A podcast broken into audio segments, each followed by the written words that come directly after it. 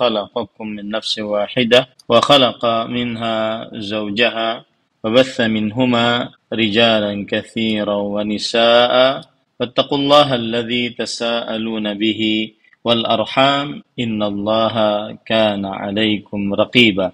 يا أيها الذين آمنوا اتقوا الله وقولوا قولا سديدا يصلح لكم أعمالكم ويغفر لكم ذنوبكم ومن يطع الله ورسوله فقد فاز فوزا عظيما أما بعد.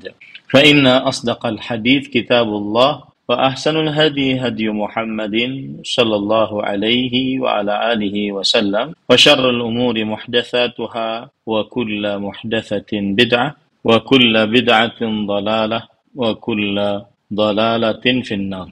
الحمد لله kita bersyukur pada Allah Subhanahu wa taala pada hari ini hari Rabu siang 29 Sya'ban 1444 Hijriah kita dimudahkan oleh Allah Subhanahu wa taala untuk duduk bersama mengkaji kembali ayat-ayat suci Al-Qur'an dan hadis-hadis Rasul sallallahu alaihi wa ala alihi wasallam. Dan pada siang kali ini kita membahas sebuah kajian tematik menyambut Ramadan dengan tema Marhaban ya Ramadan Mubarak. Selamat datang Ramadan, bulan yang penuh dengan berkah. Salawat dan salam semoga selalu Allah berikan kepada Nabi kita Muhammad Sallallahu alaihi wasallam pada keluarga beliau, para sahabat, serta orang-orang yang mengikuti beliau sampai hari kiamat kelak.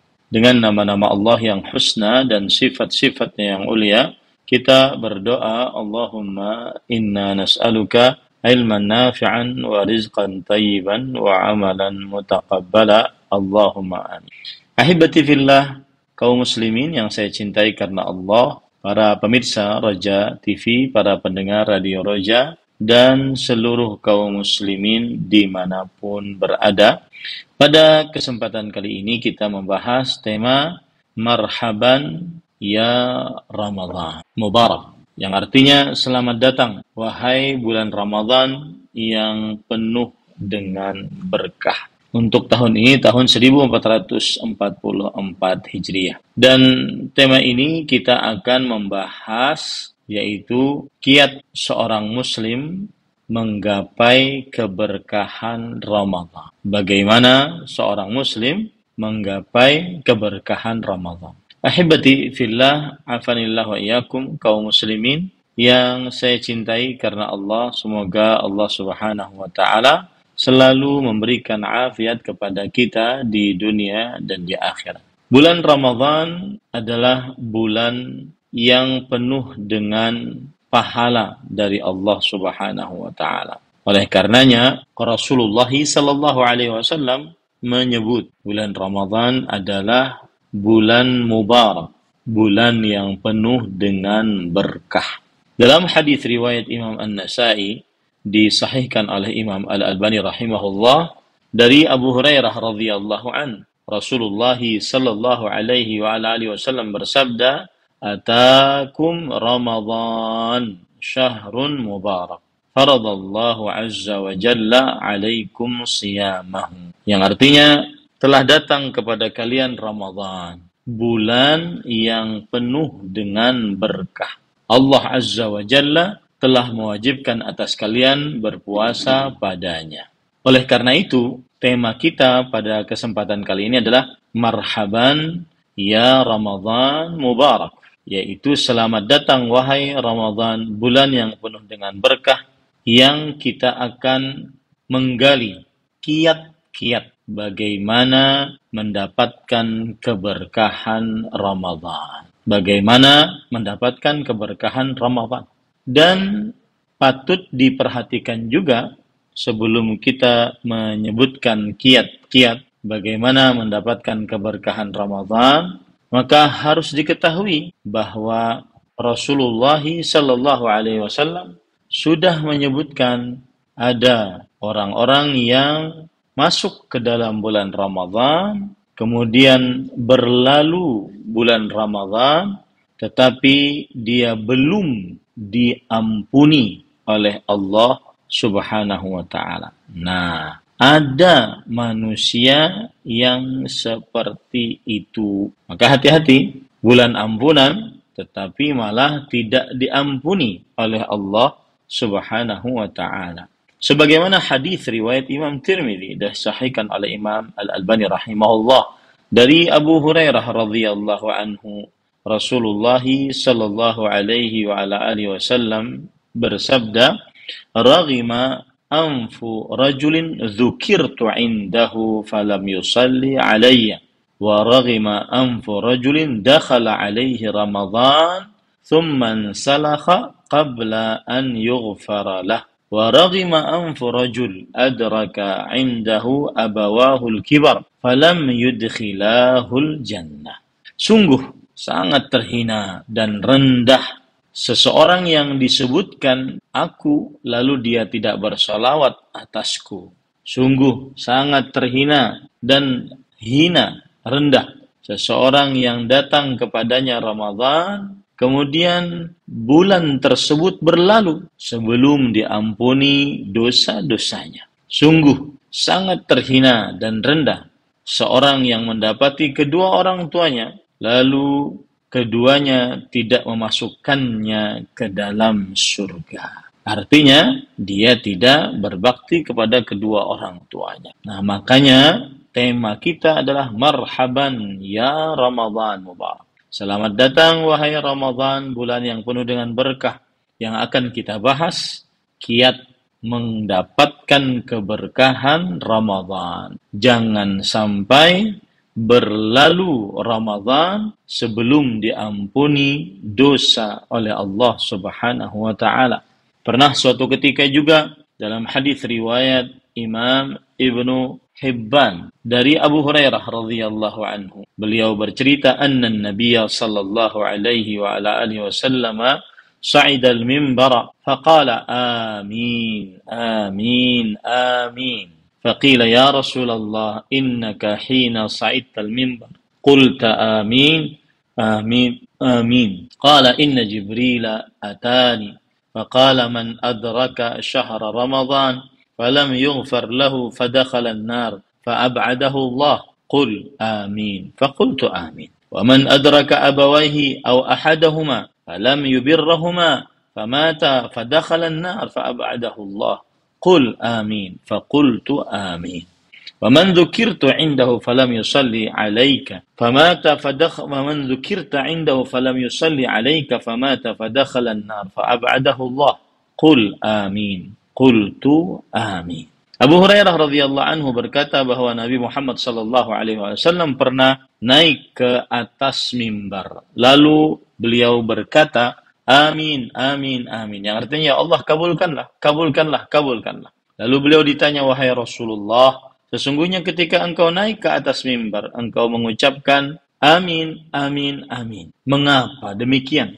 Beliau menjawab, "Sesungguhnya Jibril telah mendatangiku Lalu berkata, siapa yang mendapati bulan Ramadhan, lalu tidak diampuni baginya, maka akhirnya masuk neraka dan dijauhkan Allah dari surga. Semoga orang tersebut mendapatkan demikian. Ucapkanlah amin. Maka aku pun mengucapkan amin.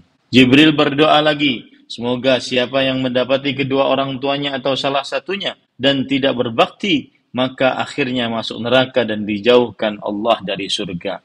Ucapkanlah amin, maka aku pun mengucapkan amin. Jibril berdoa lagi, semoga siapa yang disebutkan aku, engkau, yaitu Nabi Muhammad SAW, lalu tidak bersalawat atasmu, lalu dia mati dan tidak diampuni baginya, maka akhirnya masuk neraka dan dijauhkan Allah dari surga. Ucapkanlah amin, maka aku pun mengucapkan amin. Ini semua yang menggugah kita ya yang menggugah kita agar kita mendapatkan keberkahan Ramadan oleh karenanya kita membahas marhaban ya Ramadan mubarak.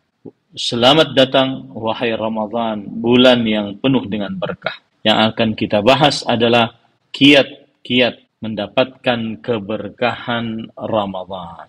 Ahibati fillah, afanillah wa iyyakum, kaum muslimin yang saya cintai karena Allah. Kiat yang pertama, agar mendapatkan keberkahan Ramadan, kita wajib meyakini seyakin-yakinnya bahwa Ramadan adalah bulan penuh berkah. Yang mana arti berkah adalah kasratul khair wa ziyadatuhu. Kebaikan yang banyak dan terus bertambah. Sebagaimana firman Allah dalam surah Ali Imran ayat 96 tentang kata berkah. Inna awwala baitin wudi'a nas lalladhi bi Bakkata mubarakan wa hudan lil.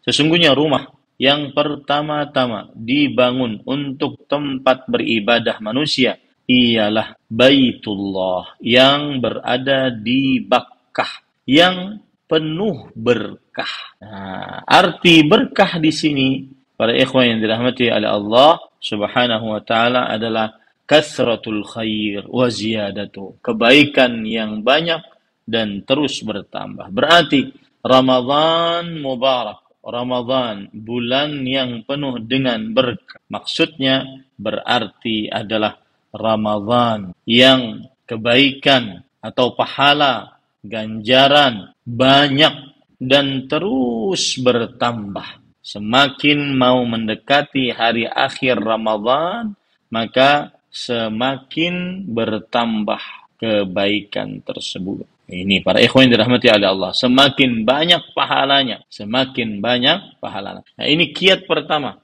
yang ingin mendapatkan keberkahan Ramadan, maka dia wajib meyakini Ramadan bukan sembarang bulan. Ramadan bulan yang penuh dengan berkah. Apa keberkahan Ramadan? Keberkahan Ramadan yang pertama adalah Allah Subhanahu wa taala menurunkan Al-Qur'an di dalam bulan Ramadan. Allah berfirman, "Syahrul Ramadan alladzi unzila fihi al-Qur'an hudan lin-nas wa bayyinatin minal huda wal furqan." Bulan Ramadan yang diturunkan di dalamnya Al-Qur'an sebagai petunjuk bagi manusia dan sebagai keterangan-keterangan yang jelas dari petunjuk tersebut dan sebagai pembeda antara yang hak dan batil. Surat Al-Baqarah ayat 185.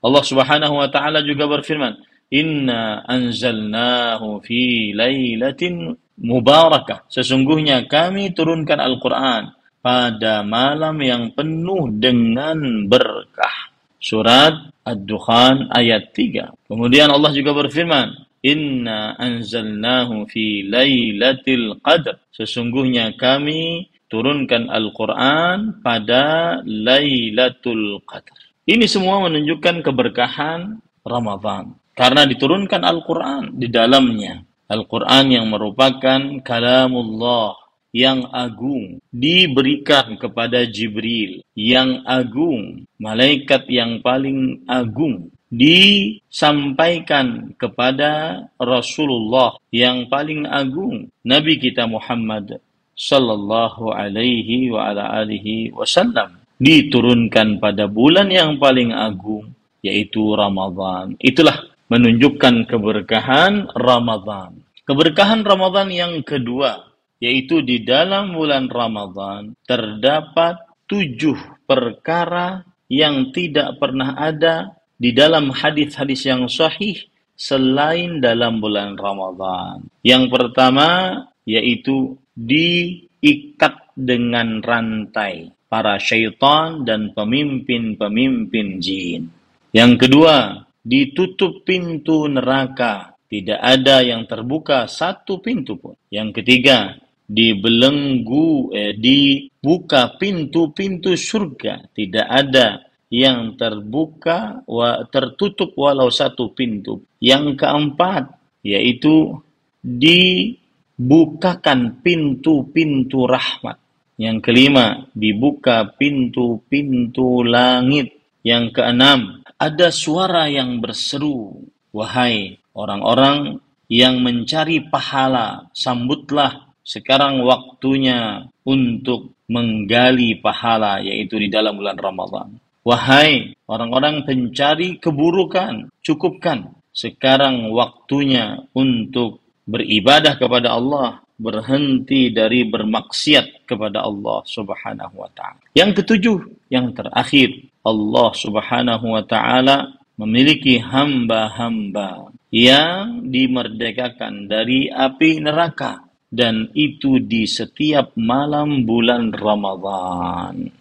Coba perhatikan sekarang hadis Rasul Shallallahu Alaihi Wasallam dalam riwayat Imam Ibnu Majah dan Imam Tirmidzi dan juga Imam Bukhari dan Muslim dari Abu Hurairah radhiyallahu an. Rasul sallallahu alaihi wasallam bersabda idza kana awwalu lailatin min Ramadan suffidatis syayatin wa maradatul jin wa ghulqat abwabun nar falam yuftah minha bab wa futtihat abwabul jannah falam yughlaq minha bab wa yunadi munadin ya baghi al khairi aqbil wa ya baghi asy-syarri aqsir walillahi utaqa'u minan nar wa dzalika kuwi kulli lailah.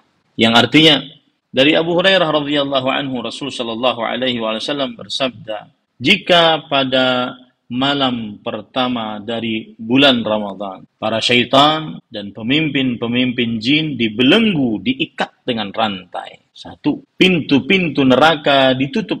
Tidak ada yang terbuka satu pintu pun. Dua, pintu-pintu surga dibuka. Tidak ada yang tertutup satu pintu pun. Tiga. Ada seorang yang berseru, Wahai pencari kebaikan, sambutlah. Wahai pencari keburukan, cukupkanlah. Empat. Dan Allah memiliki orang-orang yang dimerdekakan dari neraka. Dan itu pada setiap malam dari Ramadhan. Lima. Yang keenam dalam riwayat yang lain. Futihat abu abu sama. Dibuka pintu-pintu langit yang ketujuh, futihat abwabur rahmah. Dibuka pintu-pintu rahmat. Ini keberkahan Ramadan yang sangat luar biasa. Tidak pernah ada satu bulan yang dipenuhi dengan berkah di dalam hadis-hadis yang sahih selain Ramadan, bulan yang penuh dengan berkah. Keberkahan Ramadan yang lainnya, yaitu di dalam bulan Ramadan terdapat pengampunan dosa.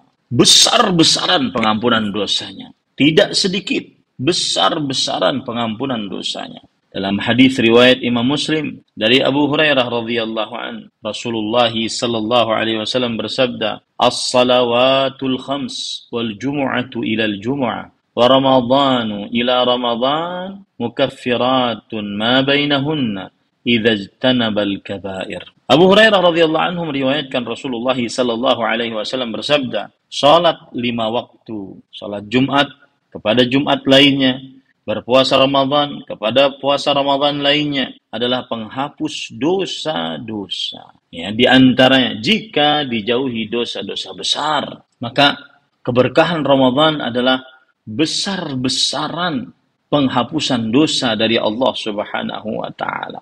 Maka ini keberkahan Ramadan.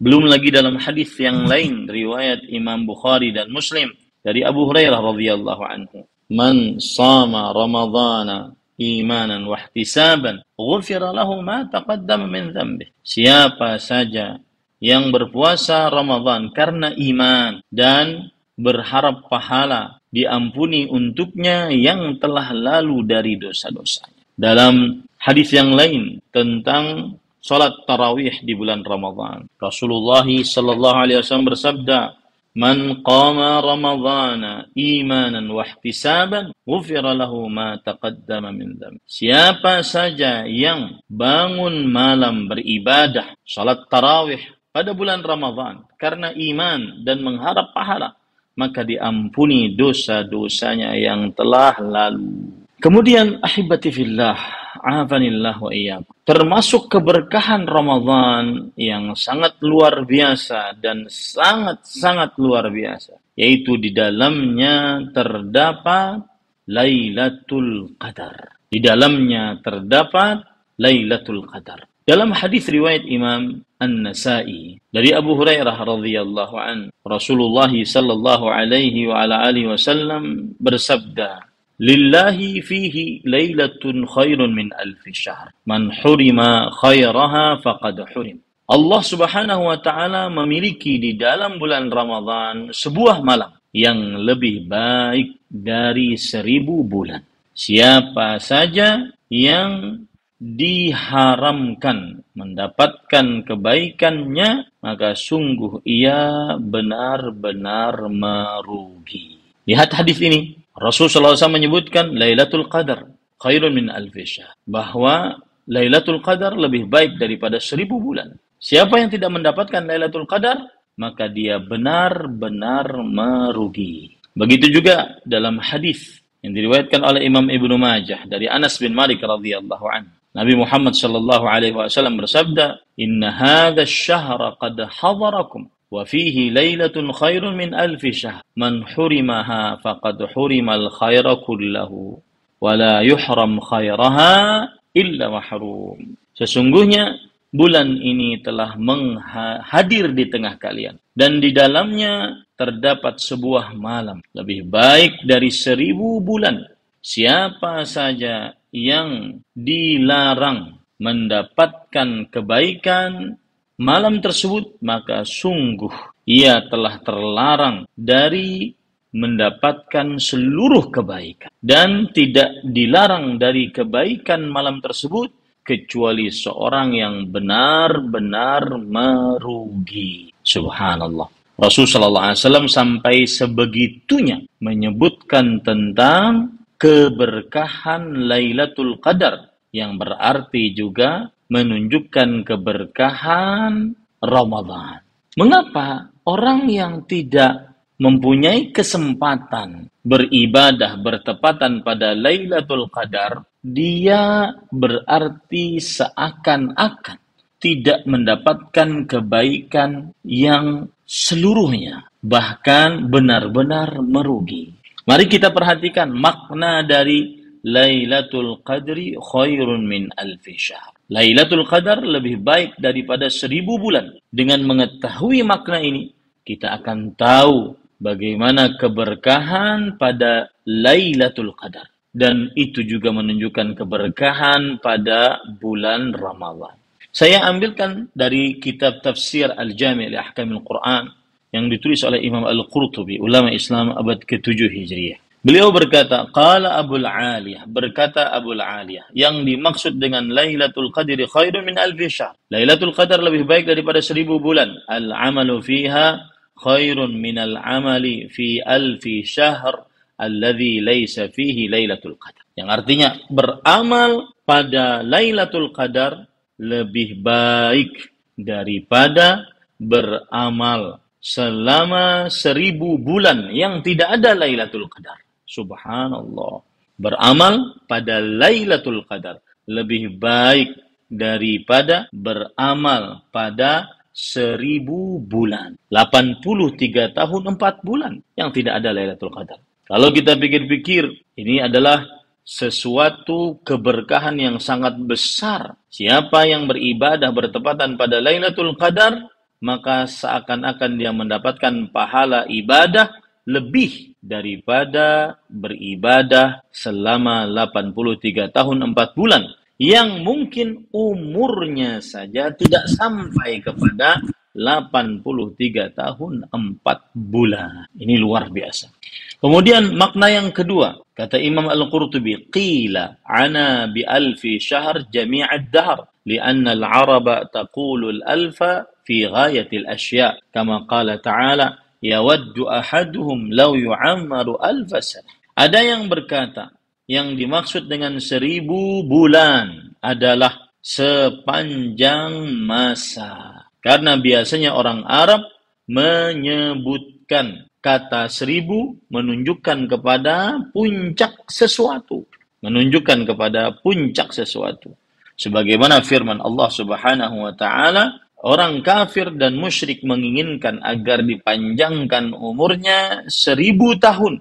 Maksudnya adalah sepanjang masa. Berarti beramal ibadah bertepatan pada Lailatul Qadar lebih baik daripada beramal ibadah sepanjang masa. Nah, kemudian yang ketiga, berkata Abu Bakar Al-Warraq rahimahullah, ulama Islam abad keempat Hijriyah. Beliau mengatakan, kana mulku Sulaiman khamsa mi'ati syahr wa mulku Dzil Qarnain khamsa mi'ati syahr. Fasara mulkuhuma alfa syahr. Adalah masa kerajaan Nabi Sulaiman berkuasa selama 500 bulan dan masa kerajaan Raja Zulkarnain berkuasa selama 500 bulan. Jika digabungkan masa kerajaan kekuasaan mereka berdua menjadi seribu bulan, 83 4, 3 tahun 4 bulan. Maka Lailatul Qadar khairun min alfi.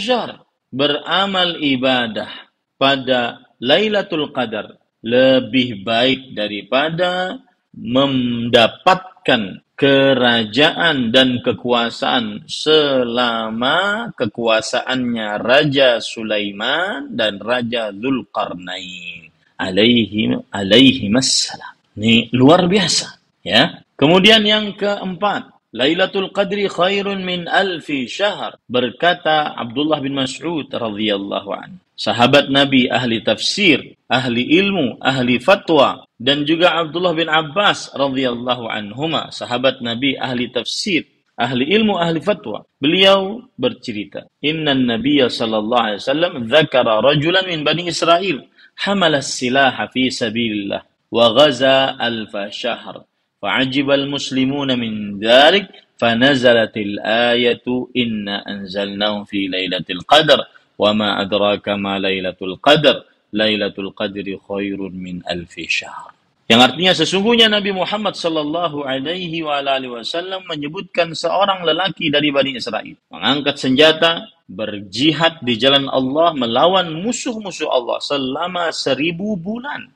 Maka kaum muslimin, para sahabat Nabi radhiyallahu anhum takjub dengan amalan orang tersebut. Kemudian Allah menurunkan ayat Sesungguhnya kami turunkan Al-Quran pada Lailatul Qadar. Tahukah engkau agungnya Lailatul Qadar? Lailatul Qadri khairun min alfi. Yang artinya beramal bertepatan pada Lailatul Qadar lebih baik daripada pahala amalan seorang dari Bani Israel berperang di jalan Allah selama seribu bulan. Allahu Akbar. Ini menunjukkan keberkahan Lailatul Qadar dan juga menunjukkan keberkahan Ramadan pada saat yang bersamaan.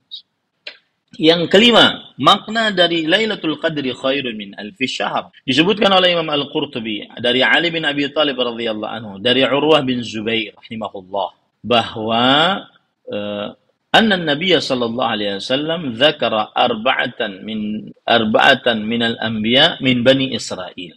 Abadullah thamanina sana. Walam yu'suhu tarfata ain. Fa'ajibal muslimuna min dhalik. Bahwa Nabi Muhammad sallallahu alaihi wasallam menyebutkan empat orang ahli ibadah di zaman Bani Israel. Nabi Ayub, Nabi Zakaria, Hizqil, dan Nabi Yusha' bin Nun. Beribadah kepada Allah selama seribu bulan, 80 tahun tidak pernah bermaksiat kepada Allah Subhanahu wa taala walau sekejap mata pun. Maka kaum muslimin takjub dengan amalan orang tersebut, ya. Takjub dengan amalan orang tersebut. Lalu para ikhwan yang dirahmati oleh Allah Subhanahu wa taala, datanglah Jibril alaihi salam kepada Nabi Muhammad sallallahu alaihi wa ala alihi wasallam dan berkata, "Ya Muhammad, ajibat ummatuka min ibadah min ibadati haula'in nafar." Abadullah 80 sanah wa lam ya'suhu tarfata. Falaqad anzalallahu 'alaika khairan min dhalik.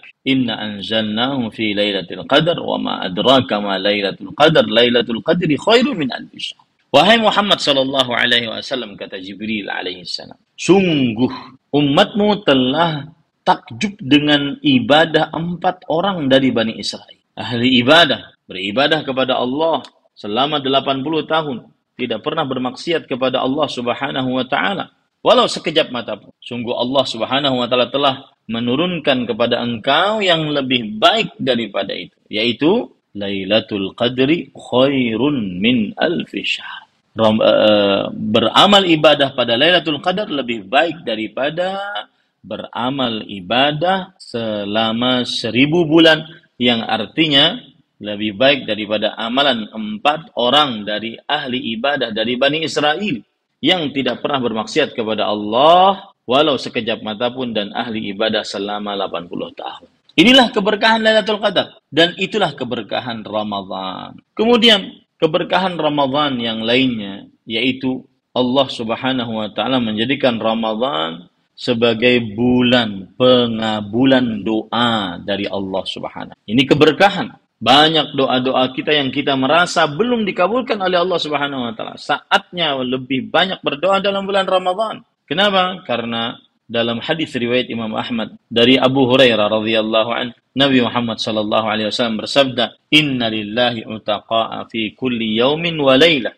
Likulli abdin minhum da'watun mustajab. Sesungguhnya Allah memiliki hamba-hamba yang dibebaskan dari api neraka di setiap malam dan siang. Setiap hamba dari mereka memiliki doa-doa yang dikabulkan. Hadis ini, kata Al-Hafidh Ibnu Hajar, yang dimaksud adalah di dalam bulan Ramadan. Di dalam bulan Ramadan. Nah itulah dari keberkahan-keberkahan Ramadan. Maka kiat pertama agar mendapatkan keberkahan Ramadan adalah kita harus meyakini Ramadan bulan mubarak, bulan yang penuh dengan berkah.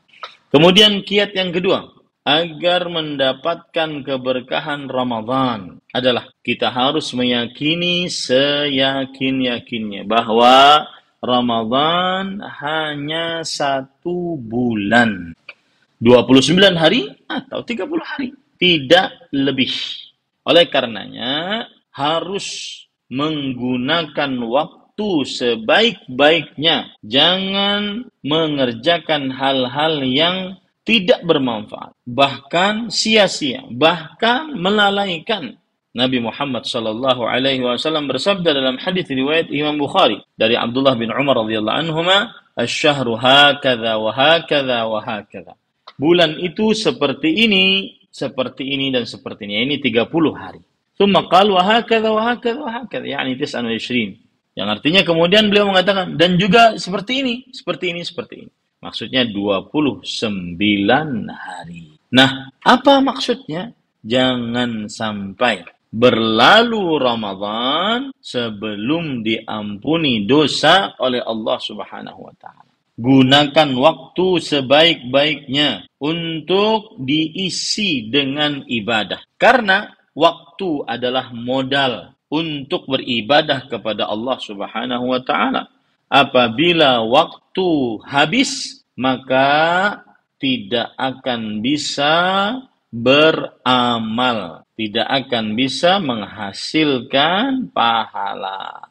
Sebagaimana hadis yang diriwayatkan oleh eh, sebagaimana ayat surat Al-Mu'minun ayat 99 yaitu hatta idza jaa ahadahumul maut qala rabbi irji'un la'alli a'malu salihan fima taraktu kalla innaha kalimatun huwa qailuha wa min waraihim barzakhun ila yaumi yub'atsun yang artinya demikianlah Oh, keadaan orang-orang kafir. Hingga apabila datang kematian kepada salah seorang dari mereka ia berkata wahai Rabbku kembalikan aku ke dunia. Untuk apa? Agar bisa beramal saleh dari yang telah aku tinggalkan ketika aku hidup di dunia. Tapi apa jawab Allah? Kalla, sekali-kali tidak. Sesungguhnya itu adalah perkataan yang diucapkannya saja. Dan di hadapan mereka ada dinding sampai hari mereka dibangkitkan. Jangan sampai membuang-buang waktu di dalam bulan Ramadhan. Meng tidak mengerjakan aktivitas apa-apa. Diam diri. Menjadi kaum rebahan. Menjadi orang-orang yang mager, as bergerak. Ini sangat dibenci oleh kaum salafus saleh, terutama dalam bulan Ramadhan. Perkataan melihat perkataan Umar bin Khattab radhiyallahu anhu dalam kitab Adwaul Bayan disebutkan beliau berkata inni la akrahu an li ahadikum an yakuna khalian sabahlalan. La fi amali dunya wala din sungguh sangat aku sangat membenci kepada salah seorang dari kalian jika ia bersikap sabahlal sikap tidak menentu dan tidak menghasilkan apa-apa. Tidak dalam perkara dunia apalagi dalam perkara akhirat.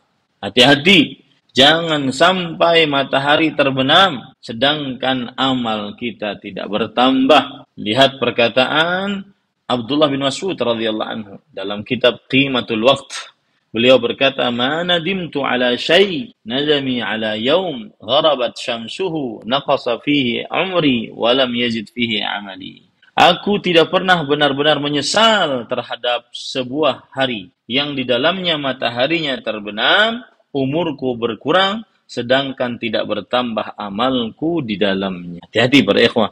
Waktu adalah modal. Waktu juga sangat cepat berlalu. Hati-hati, sangat cepat berlalu. Kalau sudah datang, dia sangat cepat berlalu.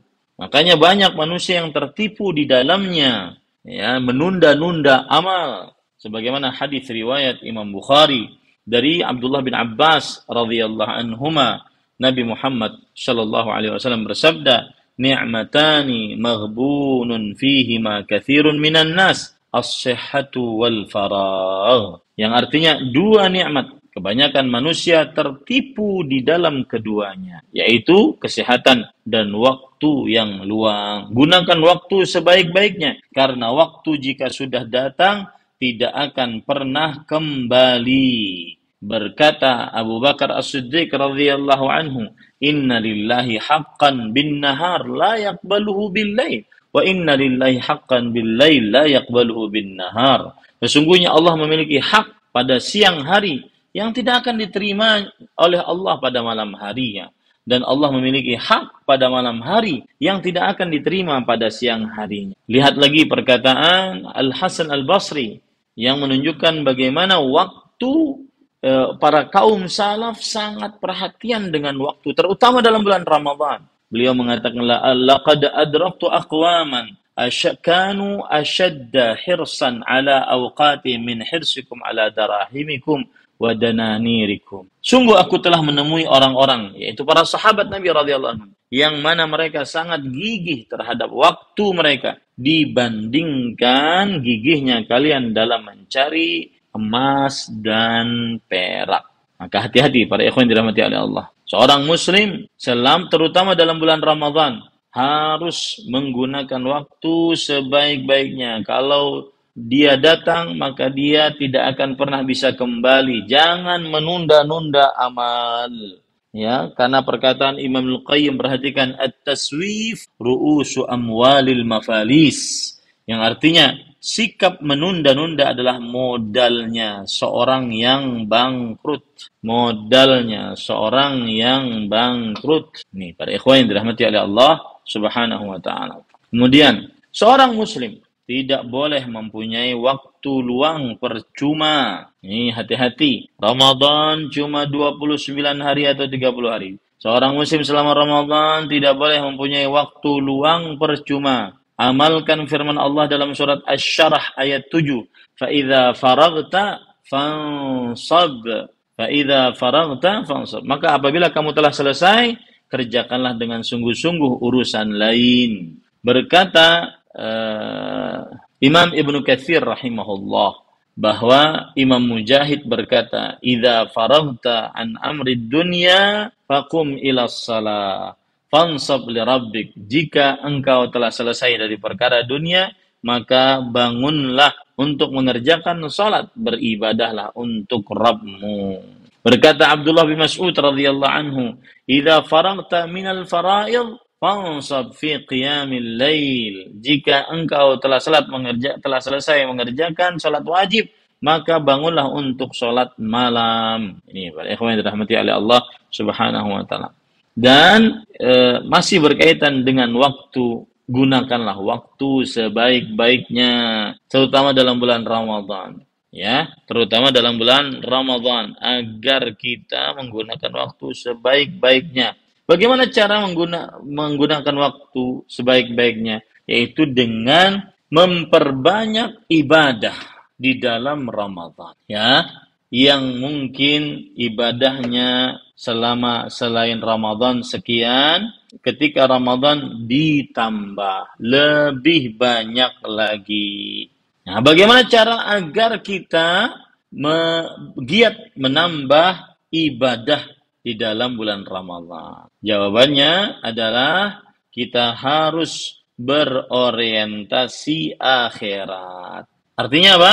Mencari nikmat akhirat ya, sehingga seseorang benar-benar bisa menggiatkan ibadah lebih daripada di dalam bulan Ramadan daripada di bulan-bulan lainnya. Coba perhatikan hadis riwayat Imam Ahmad dari Abu Hurairah radhiyallahu anhu. Nabi Muhammad sallallahu alaihi wasallam bersabda, Allah azza wa jalla berfirman, "Ibnu Adam, tafarrag li'ibadati amla sadraka ghinan wa asuddu faqra wa illa taf'al mala'tu sadraka syughlan wa lam asudda faqra." Wahai anak Adam, luangkan waktumu untuk beribadah kepada maka langsung aku isi hatimu dengan kecukupan ya isi hatinya dengan kecukupan diurus dulu oleh Allah Subhanahu kalbunya. Diurus dulu oleh Allah Subhanahu wa taala kalbunya perasaannya. Lalu kalau sudah diisi dengan kecukupan lalu aku tutupi kemiskinanmu. Jika engkau tidak meluangkan waktu untukku, maka aku akan selalu isi hatimu dengan kesibukan. Akan tetapi aku tidak akan tutupi kemiskinanmu. Nah, ini para ikhwan yang dirahmati oleh Allah Subhanahu wa taala. Oleh karena itu, gunakan waktu sebaik-baiknya, jangan sampai terbuang percuma agar kita dapat uh, uh, keberkahan Ramadan adalah menggunakan waktu sebaik-baiknya. Berkata Imam Ash-Syafi'i rahimahullahu taala, "Nafsuka illam tashghalha bil haqq syagalatka bil batil." Dirimu kalau kamu tidak sibukkan dengan kebenaran, maka akan menyibukkanmu dengan kebatilan. Ini disebutkan dalam kitab Al-Jawabul Kafi. Dan hati-hati di dalam bulan Ramadan. Disibukkan dengan sesuatu yang tidak bermanfaat baik itu yang tidak bermanfaat untuk kepentingan dunia, apalagi yang tidak bermanfaat untuk kepentingan akhiratnya. Karena itu tanda bahwa Allah sedang berpaling dari hamba tersebut. Sebagaimana perkataan Saif al-Yamani rahimahullah, "Inna min alamati i'radillahi 'anil 'abd an yashghalahu bima la yanfa'uh." Sesungguhnya termasuk dari tanda berpalingnya Allah dari hamba adalah dengan menyibukkan hamba tersebut dengan sesuatu yang tidak bermanfaat untuknya. Nah, ini para ikhwan yang dirahmati oleh Allah Subhanahu wa taala. Baik. Sekarang yang selanjutnya, agar kita uh, kiat mendapatkan keberkahan Ramadan, kita wajib mengetahui bahwa Ramadan tujuannya adalah bertakwa. Tujuan seseorang memasuki bulan Ramadan adalah agar lebih bertakwa ya. Sehingga seseorang benar-benar mengamalkan apa yang disebutkan oleh Allah dalam surat Al-Baqarah ayat 183 ya ayyuhalladzina amanu kutiba alaikumus shiyam kama kutiba alal ladzina min qablikum la'allakum tattaqun Wahai orang beriman diwajibkan atas kalian berpuasa sebagaimana orang-orang sebelum kalian diwajibkan atas mereka berpuasa agar kalian bertakwa. Maka bulan Ramadan harus diyakini dia adalah bulan bertakwa. Apa itu takwa? Takwa adalah an yuta'a fala yu'sa wa yudhkara fala yunsa wa yushkara fala yukfar. Kata Abdullah bin Mas'ud radhiyallahu anhu takwa adalah berusaha selalu mengingat Allah dan berusaha mentaatinya dan tidak bermaksiat kepadanya. Berusaha mengingat Allah tidak dilupakan. Berusaha bersyukur atas nikmat-nikmat Allah tidak dikufuri. Itulah takwa, yaitu menjauhi hal-hal yang maksiat. Nah, Ramadan Ramadan harus dijauhi hal-hal yang maksiat ya sehingga puasanya tidak hanya dapat lapar dan haus seperti dalam hadis riwayat Imam Ahmad dari Abu Hurairah radhiyallahu anhu robba saim hadduhu min siyami al-ju' wal 'atas. Berapa banyak orang yang berpuasa bagian dari puasanya hanya dapat lapar dan haus. Ya ini. Begitu juga jangan sampai seseorang gara-gara tidak bertakwa akhirnya mendapatkan gelar puasa yang paling rendah nilainya. Sebagaimana perkataan para ulama salaf, ahwanus siyam tarqut ta'ami wasyarab. Yang artinya e, serendah-rendah puasa adalah meninggalkan makan dan minum. Ini dikatakan oleh Atha bin Sa'ib rahimahullahu taala. Maka hati-hati jangan sampai berpuasa bermaksiat kepada Allah Subhanahu wa taala. Kalau puasa meninggalkan yang halal, makan, minum, bersetubuh itu kan ditinggalkan demi puasa. Ya, maka semestinya juga harus meninggalkan yang haram, yang mengurangi pahala puasa. Kalau tidak, maka siapa yang berpuasa tapi mengerjakan yang haram, ini seperti orang yang meninggalkan amalan wajib, mengerjakan amalan sunnah Tidak bermanfaat puasanya. Sebagaimana perkataan uh, Al-Hafidh Ibn Rajab Al-Hambali. وسر هذا أن التقرب إلى الله تعالى بترك المباحات لا يكمل إلا بعد التقرب إليه بترك المحرمات dan rahasia mengapa orang yang berpuasa tapi tidak bertakwa dia hanya dapat lapar dan haus karena mendekatkan diri kepada Allah dengan puasa, meninggalkan hal-hal yang mubah, tidak sempurna kecuali setelah mendekatkan diri kepada Allah dengan meninggalkan hal-hal yang diharamkan. Faman irtakabal muharramat thumma taqarraba bitarkil mubahat kana bibathabati man yatrukul faraidha wa yataqarrabu bin nawafil. Siapa yang mengerjakan hal maksiat kemudian berpuasa meninggalkan hal-hal yang halal ini persis seperti seorang yang meninggalkan amalan wajib dan mengerjakan amalan sunnah. Tidak ada manfaat. Nah, lalu amalan-amalan apa saja yang sangat tercela dalam bulan Ramadan? Dusta, saksi palsu, dan semisalnya. Yang kedua, perkataan dan perbuatan sia-sia, ya, seperti riba, mengadu domba, dan semisalnya. Yang ketiga, perkataan dan perbuatan yang menjurus kepada meningkatkan syahwat dan hawa nafsu seksual, berkata-kata keji, berbuat kotor, melihat wanita atau lelaki tidak menutup aurat yang bukan mahramnya, baik di dunia nyata ataupun di dunia internet, media sosial. Rasulullah sallallahu alaihi wasallam bersabda, "Man lam yada' qaula zur wal, wal jahla wal 'amala bih Falaisa lillahi haja fi an yada'a ta'amahu wa syarabah.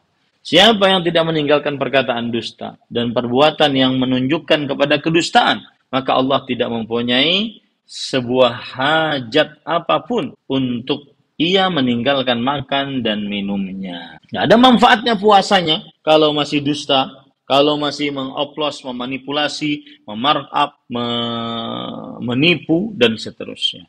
Rasul sallallahu alaihi wasallam juga bersabda, "Laisa siyamu minal akli wa syurb, innama siyamu minal lagwi warrafath." Bukanlah berpuasa itu menahan makan dan minum, tetapi berpuasa itu menahan perbuatan yang melalaikan. Seperti apa perbuatan yang melalaikan? Mendengarkan musik, bernyanyi-nyanyi, menonton film, kemudian duduk-duduk nongkrong, ya, kemudian yang tidak bermanfaat, kemudian eh, terlalu lama di depan televisi, menonton yang tidak bermanfaat, terlalu lama bermain game, terlalu lama tidur, terlalu lama membaca buku-buku yang tidak bermanfaat.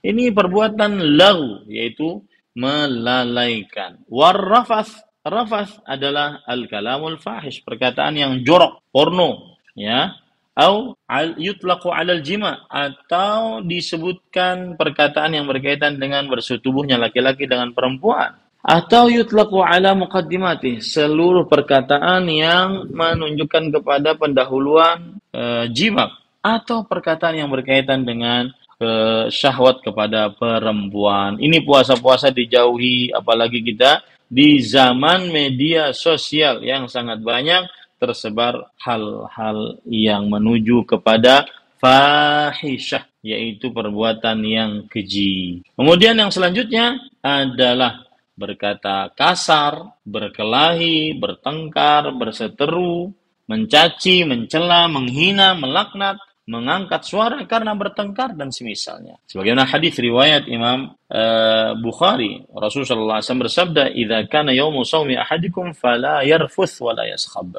Jika salah seorang di antara kalian berpuasa pada hari itu, maka janganlah dia berkata rafas ataupun berkata sakhab. Sakhab artinya berkelahi, berteriak-teriak dan seterusnya. Nah, inilah uh, kiat-kiat agar seseorang mendapatkan uh, keberkahan Ramadan. Itu kiat yang ketiga, yaitu meyakini seyakin-yakinnya bahwa puasa adalah bulan untuk meningkatkan ketakwaan kepada Allah. Karena yang halal saja kita tinggalkan, apalagi yang haram-haram yang mengurangi pahala puasa. Kemudian yang terakhir, para ikhwan yang dirahmati oleh Allah, atau sebelum terakhir, uh, kiat yang keempat adalah agar kita mendapatkan keberkahan Ramadan, maka kita harus mengerjakan fikih-fikih beribadah selama di dalam bulan Ramadan. Yang pertama, fikih beribadahnya. Ibadahnya harus sesuai dengan sunnah Rasul. Karena yang tidak sesuai,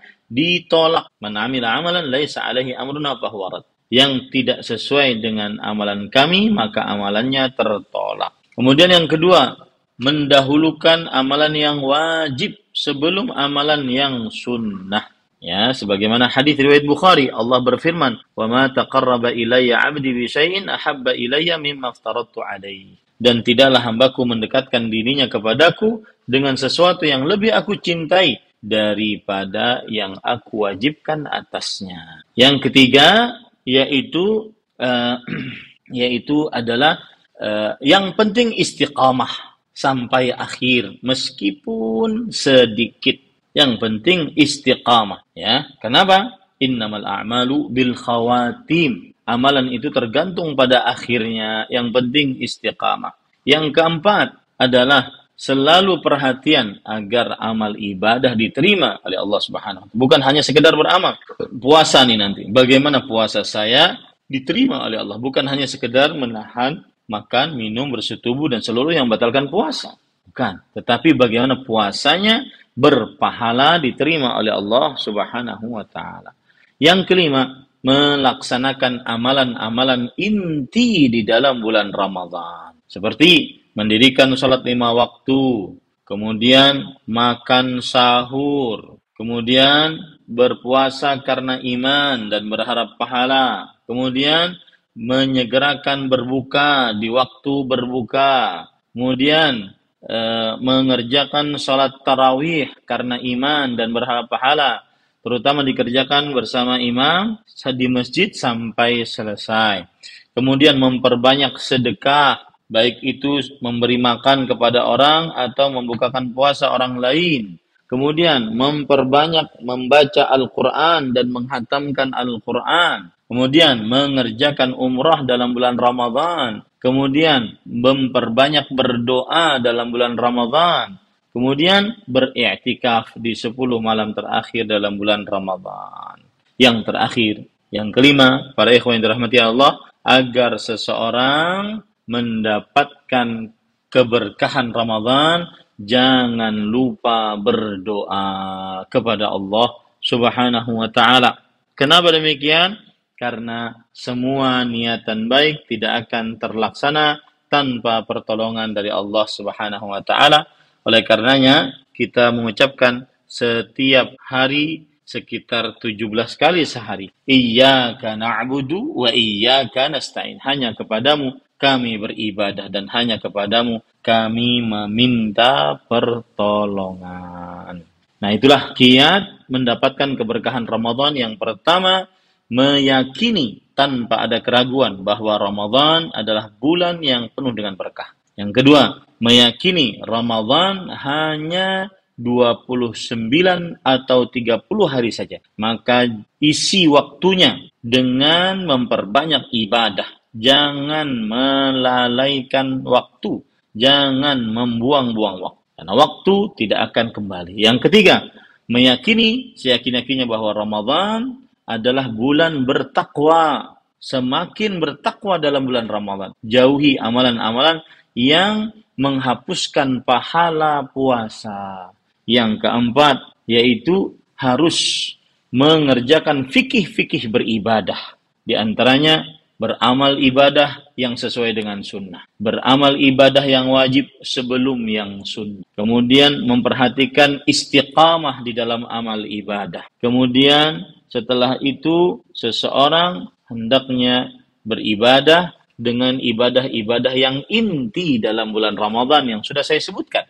Kemudian yang terakhir adalah berdoa agar diberi taufik oleh Allah Subhanahu wa taala Allahumma a'inna ala zikrika wa syukrika wa husni ibadah. Ya Allah, tolong kami untuk senantiasa mengingatmu dan bersyukur atas nikmat-nikmatmu dan beribadah yang baik kepadamu. Semoga yang disampaikan bermanfaat dan itulah bekal menghadapi Ramadan Mubarak 1444 Hijriah bulan yang penuh berkah. Saya Ahmad Zainuddin Al-Banjari pimpinan pesantren Intan Ilmu Barito Kuala Kalimantan Selatan mengucapkan kepada pemirsa Roja TV dan pendengar Radio Roja dan seluruh kaum muslimin yang saya cintai karena Allah selamat memasuki Ramadan Mubarak bulan yang penuh dengan berkah 1444 Hijriah. Semoga Allah Subhanahu wa taala memberi petunjuk kepada kita agar menggiatkan ibadah di dalam bulan Ramadan dan menerima seluruh amal ibadah kita. Allahumma amin. Wa ala Muhammad walhamdulillahi rabbil alamin. Wassalamualaikum warahmatullahi wabarakatuh.